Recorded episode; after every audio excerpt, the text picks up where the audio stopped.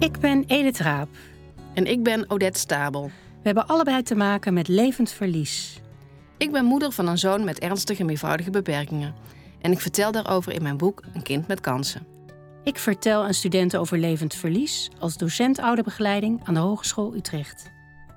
Levend verlies. Steeds terugkerende gevoelens van verlies, verdriet en rouw van ouders met een kind met een beperking of chronische aandoening. In onze podcast komen ouders en hulpverleners aan het woord over levend verlies. Wat is levend verlies precies en hoe kunnen hulpverleners ouders ondersteunen?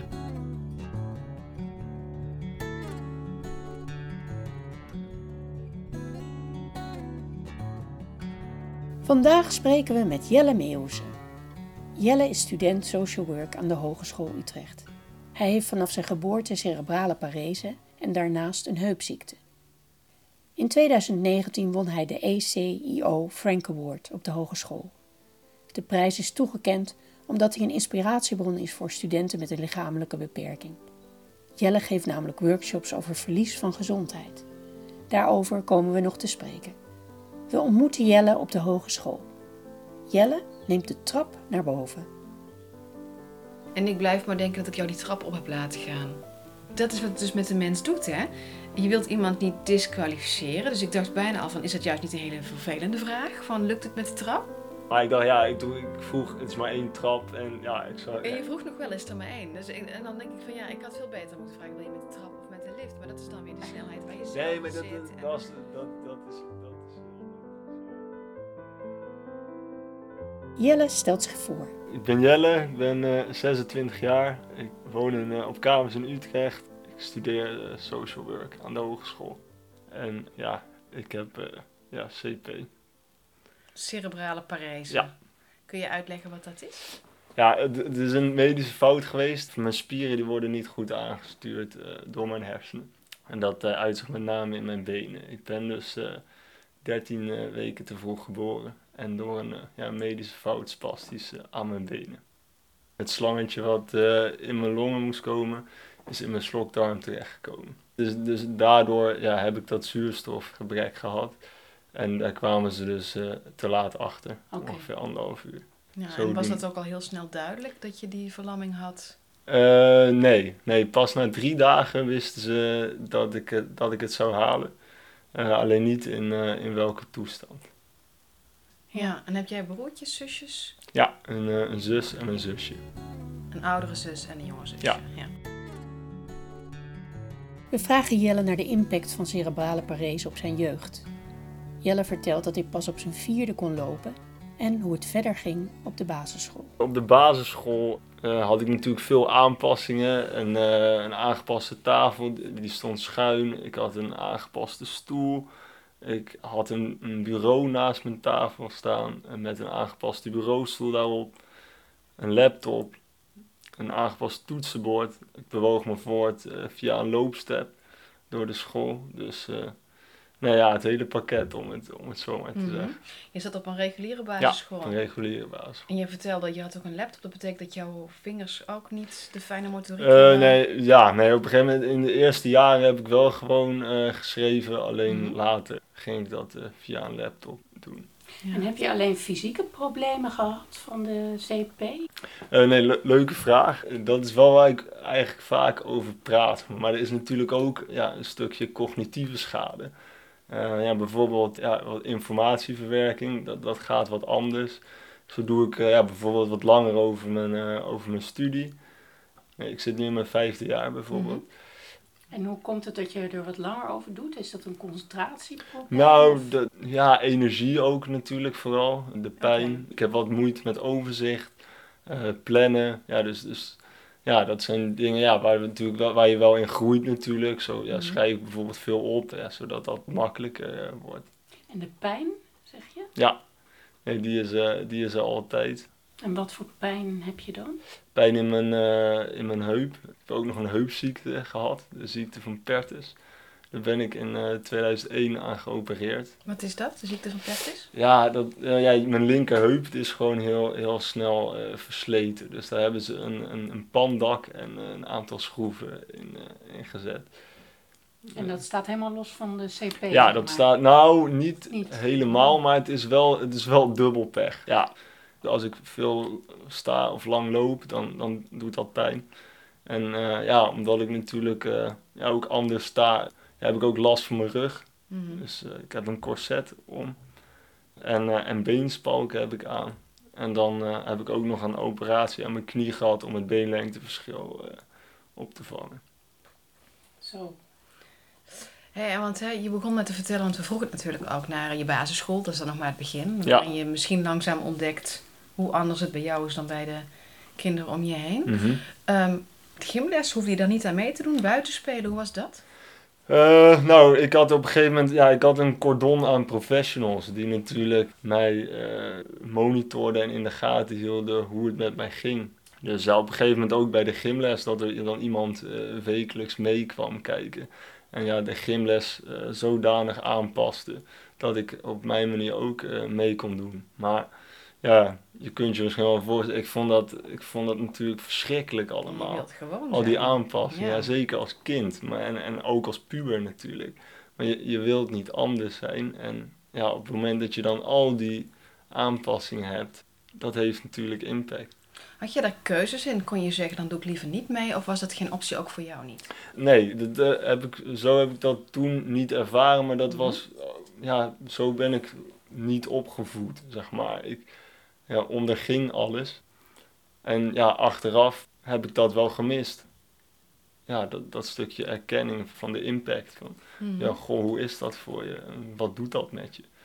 Want dat cordon aan professionals, dat waren mensen die vooral bezig waren met jouw mogelijkheden. Ja, klopt. Die denk, eh, dat, ja, dat zit in de mens, denk Mhm. ik. Ja, zo ben ik ook met, eh, met cliënten natuurlijk. Maar ja, op het moment dat je alleen maar aan oplossingen denkt, dan ga je wel voorbij aan dat stukje ja, verlies wat, er ook is.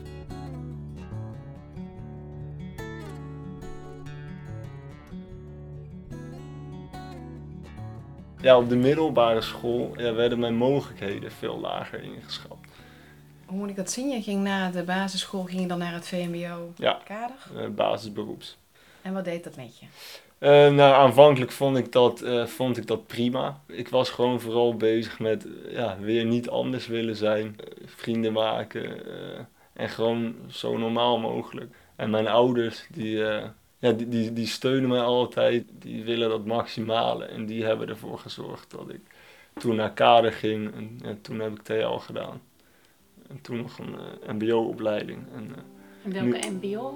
onderwijsassistent heb ik gevolgd.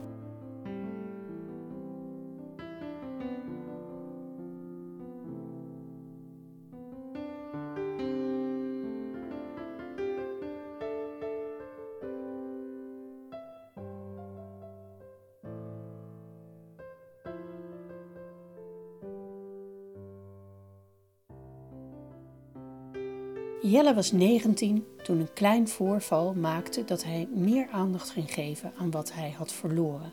dat triggerpoint, ja, dat is iets heel kleins geweest. Nou, op het moment dat mijn moeder vroeg, wil je de douche even schoonmaken? En ja, dat lukte niet, omdat ik eh, ja, niet helemaal kon bukken. En, ja, en, en daar raakte ze toen wat geïrriteerd over. En toen, ja, dat was iets heel kleins, maar toen ging ik eigenlijk nadenken van, joh, wie ben ik eigenlijk? Ik heb zoveel pijn. eh, ja, wie ben ik eigenlijk met mijn beperkingen? ik heb helemaal niet geaccepteerd dat ik eh, ja, deze aandoening heb. Ja, het werd gewoon te veel. Ik was, eh, ja, je bent 19 en vrienden van mij waren bezig met een vervolgopleiding te zoeken. En ik was bezig met, raak ik niet arbeidsongeschikt? Ja, hoe ziet het eruit als ik 40 ben? En toen eh, haalde dat je onderuit. Absoluut, ja. Nee, je moet je voorstellen op het moment dat je 19 jaar in de overlevingsstand staat, dan, en op het moment dat je dan ja, die, die andere kant, dat verlies eh, toelaat, dan, eh, ja, dan, dan, dan is de val keihard. Ja, dus toen ging ik veel piekeren, veel nadenken. En toen ben ik in een eh, psychosociaal traject eh, terechtgekomen met een, eh, een rouw- en verliesbegeleider. En ehm, ja, op een gegeven moment werd dat zo heftig dat, dat zij ook zei van... Nu ja, lukt het mij niet meer om je verder te helpen, want ik had naast dat piekeren, ja, heeft dat natuurlijk ook lichamelijk veel impact. Ik had ontzettend veel pijn. Ik, ik sliep slecht. En toen ben ik in het pijncentrum van de Sint Maartenskliniek terechtgekomen. En daar heb ik een half jaar gerevalideerd. Met ja, ook weer ja, maatschappelijk werk, psycholoog, fysiotherapeut, ergotherapeut. Je noemt nu het maatschappelijk werk en psycholoog, dus was daar wel aandacht voor de verlieskant ook? Nee, daar, daar eigenlijk niet. Ze waren daar vooral heel erg bezig met gedragsverandering. Nou ja, dus, dus mij leren te gaan zitten, leren krukken te gebruiken. Ze waren heel erg naar een rolstoel aan het praten. Ehm. En ja, op een bepaalde manier was dat natuurlijk ook nodig. Alleen, ja, ook dat, dat stukje erkenning heb ik daar ook wel uh, niet altijd achteraf gezien gekregen.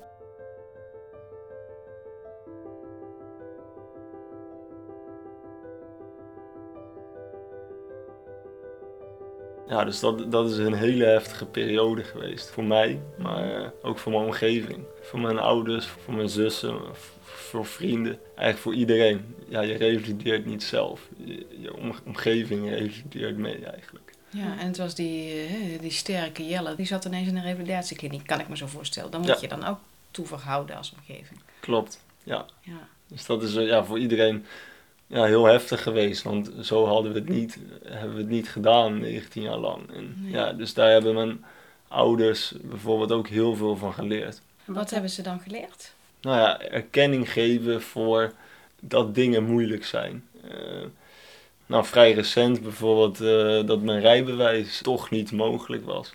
Ja, dus, dat is dan ook weer een, een verlies waar je tot moet verhouden. En ja, dat, dat is voor hen natuurlijk ook heel lastig. Ik word daarmee geconfronteerd, maar uh, ja, mijn ouders dan ook bijvoorbeeld. Ja. En hoe reageerden jouw ouders nu daarop? Ja, eerst op het moment dat iets niet lukte bijvoorbeeld, dan zag ik dat zij daar dan ook heel erg van, van baalden. En, en, nog steeds natuurlijk. Ja, mijn ouders die, uh, die, die ja, proberen dan wel heel erg. Ja, ik heb het heel lang geprobeerd. Die hebben, die, op een gegeven moment hebben zij dan ook zoiets van: joh, ja, we zien dat het toch niet lukt. En we hebben er in ieder geval alles aan gedaan. Dus, dus dat is heel fijn. Het is fijn het erkennen dat het niet lukt en dat ze ja, helpen, dat, dus ja, dat, dat, ze ja, dat, dat zou ik op een gegeven moment ook zeggen van uh, het is goed. En ja, nee, ja en, mm-hmm. en dat vind ik dan, daar moet ik dan nu aan denken. Op mijn geboortekaartje stond bijvoorbeeld, uh, waarom willen ze zijn weg? Jelle vond de zijne en, en wij gaan met hem mee. En dat is daar dan ook de, een, een voorbeeld van. Dat, ja, dat ze mij wel volgen. Zeg maar, mm-hmm. ja, ik denk dat dat het is. Zij, zij volgen veel meer mijn tempo en ja, mijn, mijn proces. Was het te pusherig hiervoor? Ja, dat denk ik wel. Dus voorheen zouden ze langer geprobeerd hebben dat je het toch zou halen? Het dat denk ik wel. Ja, dat, okay. denk, dat denk ik wel. Wel proberen, maar niet blijven proberen. Ja, precies. Ja, het is, het is goed om inderdaad ja, te blijven proberen. Alleen wel tot een bepaalde hoogte. Ja, want ja. daar win je uiteindelijk allemaal, allemaal uh, niets mee als je nou ja, en met een heel gefrustreerd kind zit en ja, gefrustreerd bent als ouder. Ja. ja. Maar natuurlijk, ja, die frustratie, ja, die, die mag er ook zijn, want het is er wel. Dus je begrijpt de frustratie van je ouders ook. Ja. Ik bedoel, de, de douche-frustratie. Ja, want dat ja, ja dat, dat stuk verlies, dat is er ook. En dat heeft iedereen op, heeft het op zijn of haar eigen manier, in zijn of haar eigen tempo. Ja, want, ja, want dat hoort ook bij het leven. Dat dingen ook niet lukken. En ja, niet alles hoeft. Een wijsheid.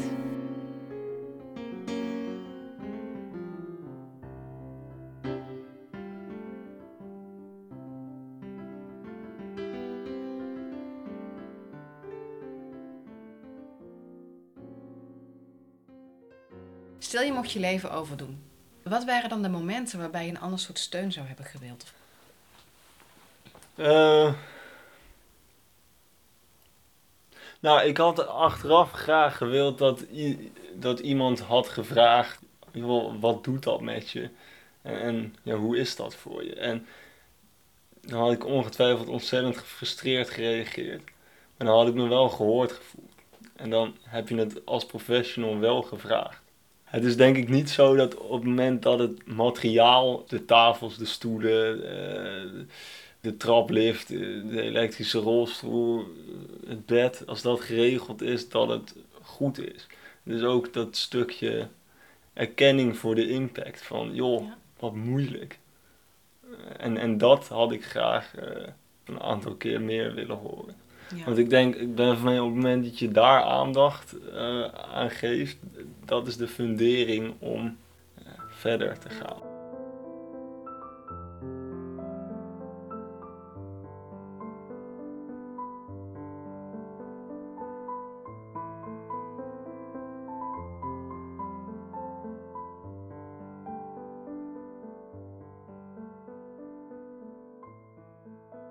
Je zeggen hoe CP jou als mens gevormd heeft?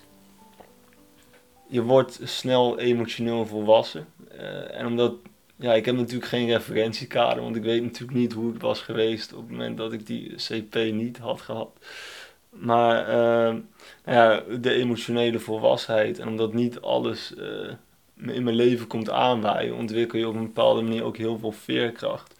Dus eh, ja, ik, ik denk dat ik goed in staat ben om met tegenslagen om te gaan. Wat ik doe op het moment dat ik een ingrijpend verlies meemaak, dan ja, laat ik dat e- even toe. En dat kan, dat kan weet ik veel, 10 seconden zijn, dat kan een week zijn, dat kan een, dat kan een maand. eh, da- daar is geen tijd voor, denk ik.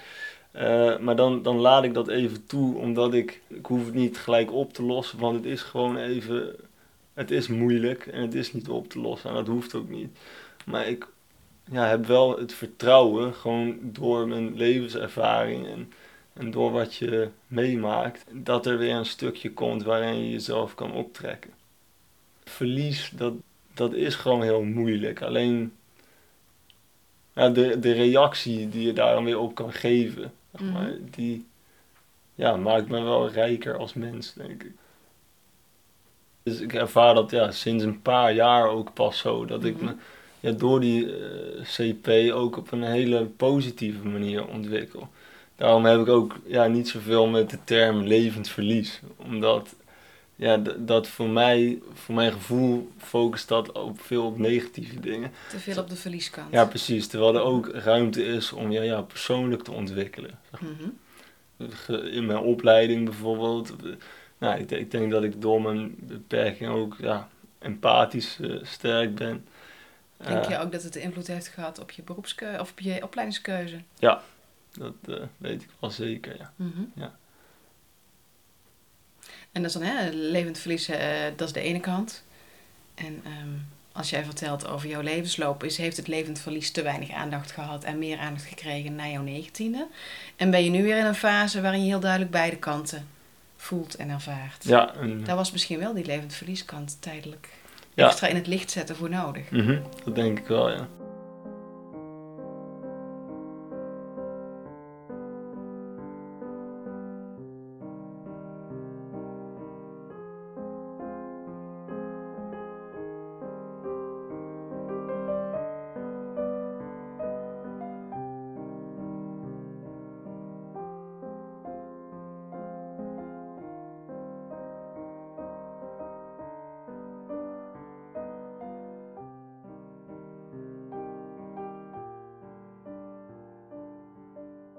Je bent inmiddels zelfs zover in je ontwikkeling dat je ook trainingen geeft over, eh, of deelneemt aan trainingen over verlies en rouw.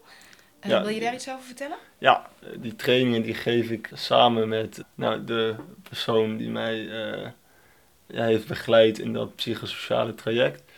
Die trainingen die geef ik aan, aan professionals, maar ook aan ouders van kinderen met een beperking of kinderen met een beperking. Wat geeft jou in, jij, in jouw trainingen mee aan ouders en professionals? Dat het belangrijk is om vooral ook erkenning te geven voor de impact en dat het daarmee begint. En ja, vanuit daar kun je eh, als omgeving groeien. En vind je ook dat het de impact er steeds is? Ik bedoel, dat is eigenlijk stukje levend verlies. Uh, nee, nee, ik, Nee. ik denk nee, dat niet. Eh, maar op het moment dat hij er is, dan moet hij wel aandacht krijgen. Dus die hoeft niet evenveel aandacht te krijgen, maar het, het feit dat die kant, die behoeft ook aandacht. Hoe zie je je toekomst? Eh, positief. Daar heb ik veel zin in natuurlijk ook, ja, omdat je steeds verder aan het ontwikkelen bent als professional. eh, ja, binnen dit vakgebied ook. Ja, ik ben ontzettend dankbaar dat ik dat, eh, dat, ik dat mag doen. Maar tegelijkertijd natuurlijk ook eh, ja, angst, de, fysieke slijtage, toch meer gebruik moeten maken van een rolstoel, baanzekerheid. Dat stuk is er ook. Maar eh, Heb je een beeld van waar je wil werken? Of? ja, het lijkt me heel bijzonder om eh, later kinderen en jongeren met een eh, fysieke beperking eh, te begeleiden op het gebied van eh handicapbeleving. Omdat ik dat zelf zo heb doorleefd en doorleef. Ik denk even aan die Jelle tien jaar van nu. Hè? eh, dat wij u tegen jou gaan zeggen. Ehm, die dan het werk gevonden heeft. En die dan te maken heeft met jongetjes zoals jij toen je elf was. Mhm. Wat ga je die dan vertellen? D- dat, eh, eh, nou, ik begeleid ook soms eh, kinderen Maar nu dat al. doe je al, wat ja, mooi. Ja, Mhm. Wat En- zeg je ze dan? dat het ieders eigen gevecht is. En dat je, dat je het zelf moet doen, maar niet alleen. Ja, en, en dat vind ik zo bijzonder om dan ook al ja, bij, die, bij die jonge kinderen dan al die, die veerkracht te zien. Waar zie je dat in? Eh, nou, de levenswijsheid vooral, denk ik. En nou, de manier waarop ze praten, die kinderen al. Ja, dat herken ik dan heel erg. Ja. Heb jij veel lotgenotencontact gehad in de loop van de jaren? Nee, dat is grappig. Eh, nee, ik had daar als kind ook helemaal geen behoefte aan. Echt totaal niet. Ja, omdat ik toen heel erg ja, bezig was met, ja, niemand snapt me toch. En, en ik wil gewoon zijn. En, en een bekende uitspraak van mij was altijd, dat ik, van, ja, jij weet niet wat ik voel. Zei ik dan. Ja, nou, geen spel tussen te krijgen natuurlijk. En ja, of ik dat achteraf, ja, misschien wel. Maar hm, ja, op dat moment eh, niet.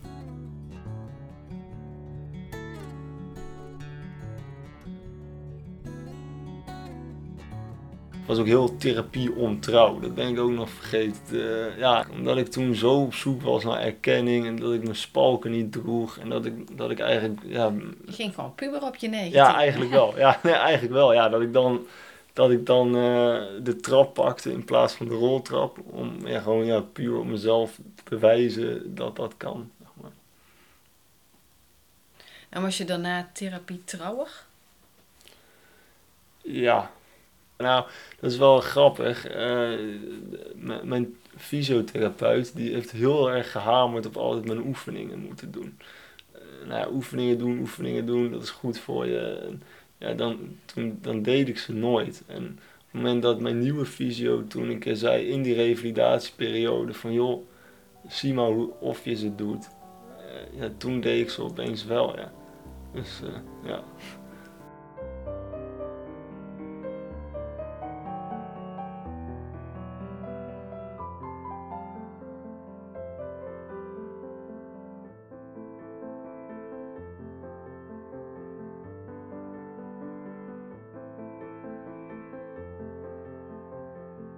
Jelle vertelt hoe hij de laatste tijd erg bezig is met de periode dat hij in de couveuse lag. Hij vraagt zich af wat het voor de hechting heeft betekend. Ik heb wel 150 dagen in het ziekenhuis gelegen. Ja, en 13 weken achter glas. Eh, ja, dus dat was ja, heel kritiek. Dus de, artsen hebben ook tegen mijn ouders op een gegeven moment gezegd: Kom maar mee, dan, dan laten we hem bij u sterven. En het was destijds ook een heel hard protocol. Dus ik moest eerst laten zien dat ik kon leven. En toen ben ik op het eh, laatste moment nog naar het Wilhelmina Kinderziekenhuis gebracht waar een specialist is gekomen. En eh, ja, die heeft eh, toen eh, ja, mij gered. Wat heftig. Ja, En wat wilde je over hechting vertellen? Dat is bijvoorbeeld nu iets waar ik heel erg mee bezig ben. Van joh, ik ben nu heel erg aan het uitzoeken ja, wat de impact is geweest op het feit dat mijn moeder me heeft verlaten. Ook al wilde ze dat natuurlijk niet. Ja, en, en dat is natuurlijk ook iets ja, waar ik pas, ik denk, het laatste jaar me eigenlijk bewust van ben geworden. Dat dat ontzettend veel impact heeft op je leven. Ook dat die, die, die traumatische. Hoe komt het dat je daarvan bewust van bent geworden? Uh, ook weer een heel klein iets. Uh, dat, dat ik een artikel uh, doorgestuurd kreeg. Over dat het heel belangrijk is voor vroeggeboren baby's dat ze ja, gekangeroed worden. Mm En dat ik nu ook wel eens zeg van ik ben eigenlijk wel jaloers op de baby's die nu geboren worden. Ja, kijk, ik ben bijvoorbeeld, ik ben ook altijd, dat is ook nog een kenmerk van dat ik heel erg schrikachtig ben, bijvoorbeeld. Ik vind bijvoorbeeld ook lastig, en dat vindt mijn moeder ook heel lastig, uh, dat weet ik, dat, dat ik geen knuffel kan geven. Dat, dat kost me heel veel moeite.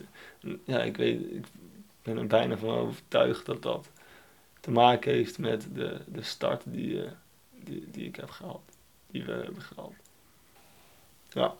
Maar er zit een verschil tussen wat je vertelt over die hechtingstuk en wat je vertelt over andere verliezen. Dit stukje noem je apart nog over die hechting en die eerste fase.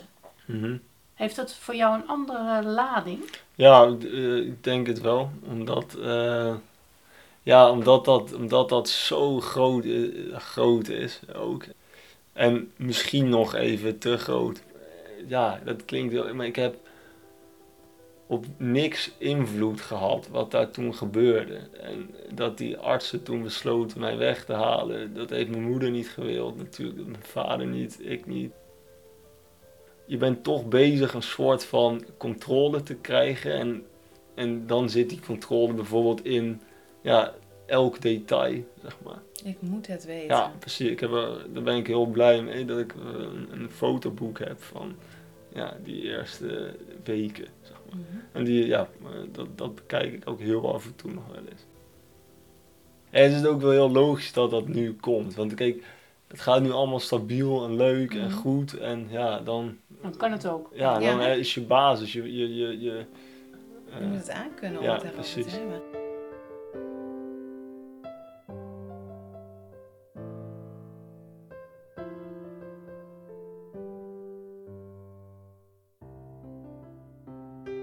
de tekst op het tegeltje van Jelle. Als ik een tekst op een tegeltje zou mogen kiezen, dan zou dat zijn: Ik wil leren accepteren dat accepteren niet bestaat. Dat is een tekst die ik heb uh, ja, gezegd vlak voor die revalidatieperiode. Je hoort vaak: Ik heb geaccepteerd dat die persoon uh, er niet meer is. Of ik, ik heb mijn aandoening geaccepteerd. Of maar ja, zo is het niet. Want dat, ja, dat klinkt voor mij bijna een beetje alsof het een begin of een eindpunt is van iets. Van oké, ik heb het geaccepteerd, nu kan ik beginnen met leven. Uh, maar, maar die verlieskant, die is er ook. Die moet, ja, mhm. wat ik al die moet ook af en toe aandacht krijgen. Dus daarom is niet accepteren het hoogst haalbare, vind ik. Maar uh, ja, zou ik integreren mooier vinden. Jelle vertelt bij het weggaan dat hij in een appartement zonder aanpassingen woont. Dat zonder aanpassingen is voor hem belangrijk. Ik vind het heel belangrijk om mijn eigen tempo te blijven volgen en ja, vanuit mijn revalidatieperiode ja, heb ik wel geleerd dat ik het ontzettend lastig vind om hulpmiddelen uh, te integreren in mijn leven. En wat bedoel je? Dat je liever niet met hulpmiddelen uh, leeft? Ja, omdat ik dat associeer met fysiek achteruitgaan. En waarom koppel je dat aan je revalidatieperiode? Omdat zij daar heel erg uh, mee bezig waren op dat moment. Dus uh, gedragsverandering, ja, het oefenen met krukken. Dat ik mezelf dan in de gymzaal met enorme spiegels ja, de hele tijd zag lopen met die krukken ik, ik weet dat ze er zijn. En ik weet dat op het moment dat ik bijvoorbeeld op mijn heup val, dat ik ze dan een dagje kan pakken, twee dagen.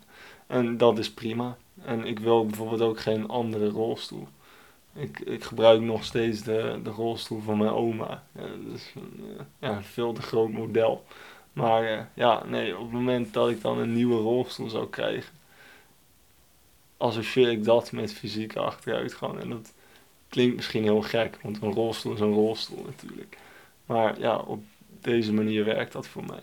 En betekent dat dat je de consequentie neemt van dat sommige dingen trager gaan? Ja, precies. En op het moment dat, op het, moment dat het niet anders kan, vertrouw ik daarop, denk ik, hoe lang dat ook duurt, dat er een stukje uh, komt waarbij ik ja, die nieuwe situatie weer kan integreren.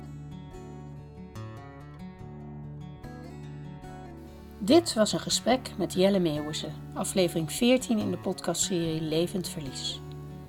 Volgende maand spreken we met Wim Gozens, docent en trainer ouderbegeleiding, groepsdynamica en groepswerk en vader van een verstandelijk gehandicapte zoon met autisme. Dank voor het luisteren en tot volgende maand.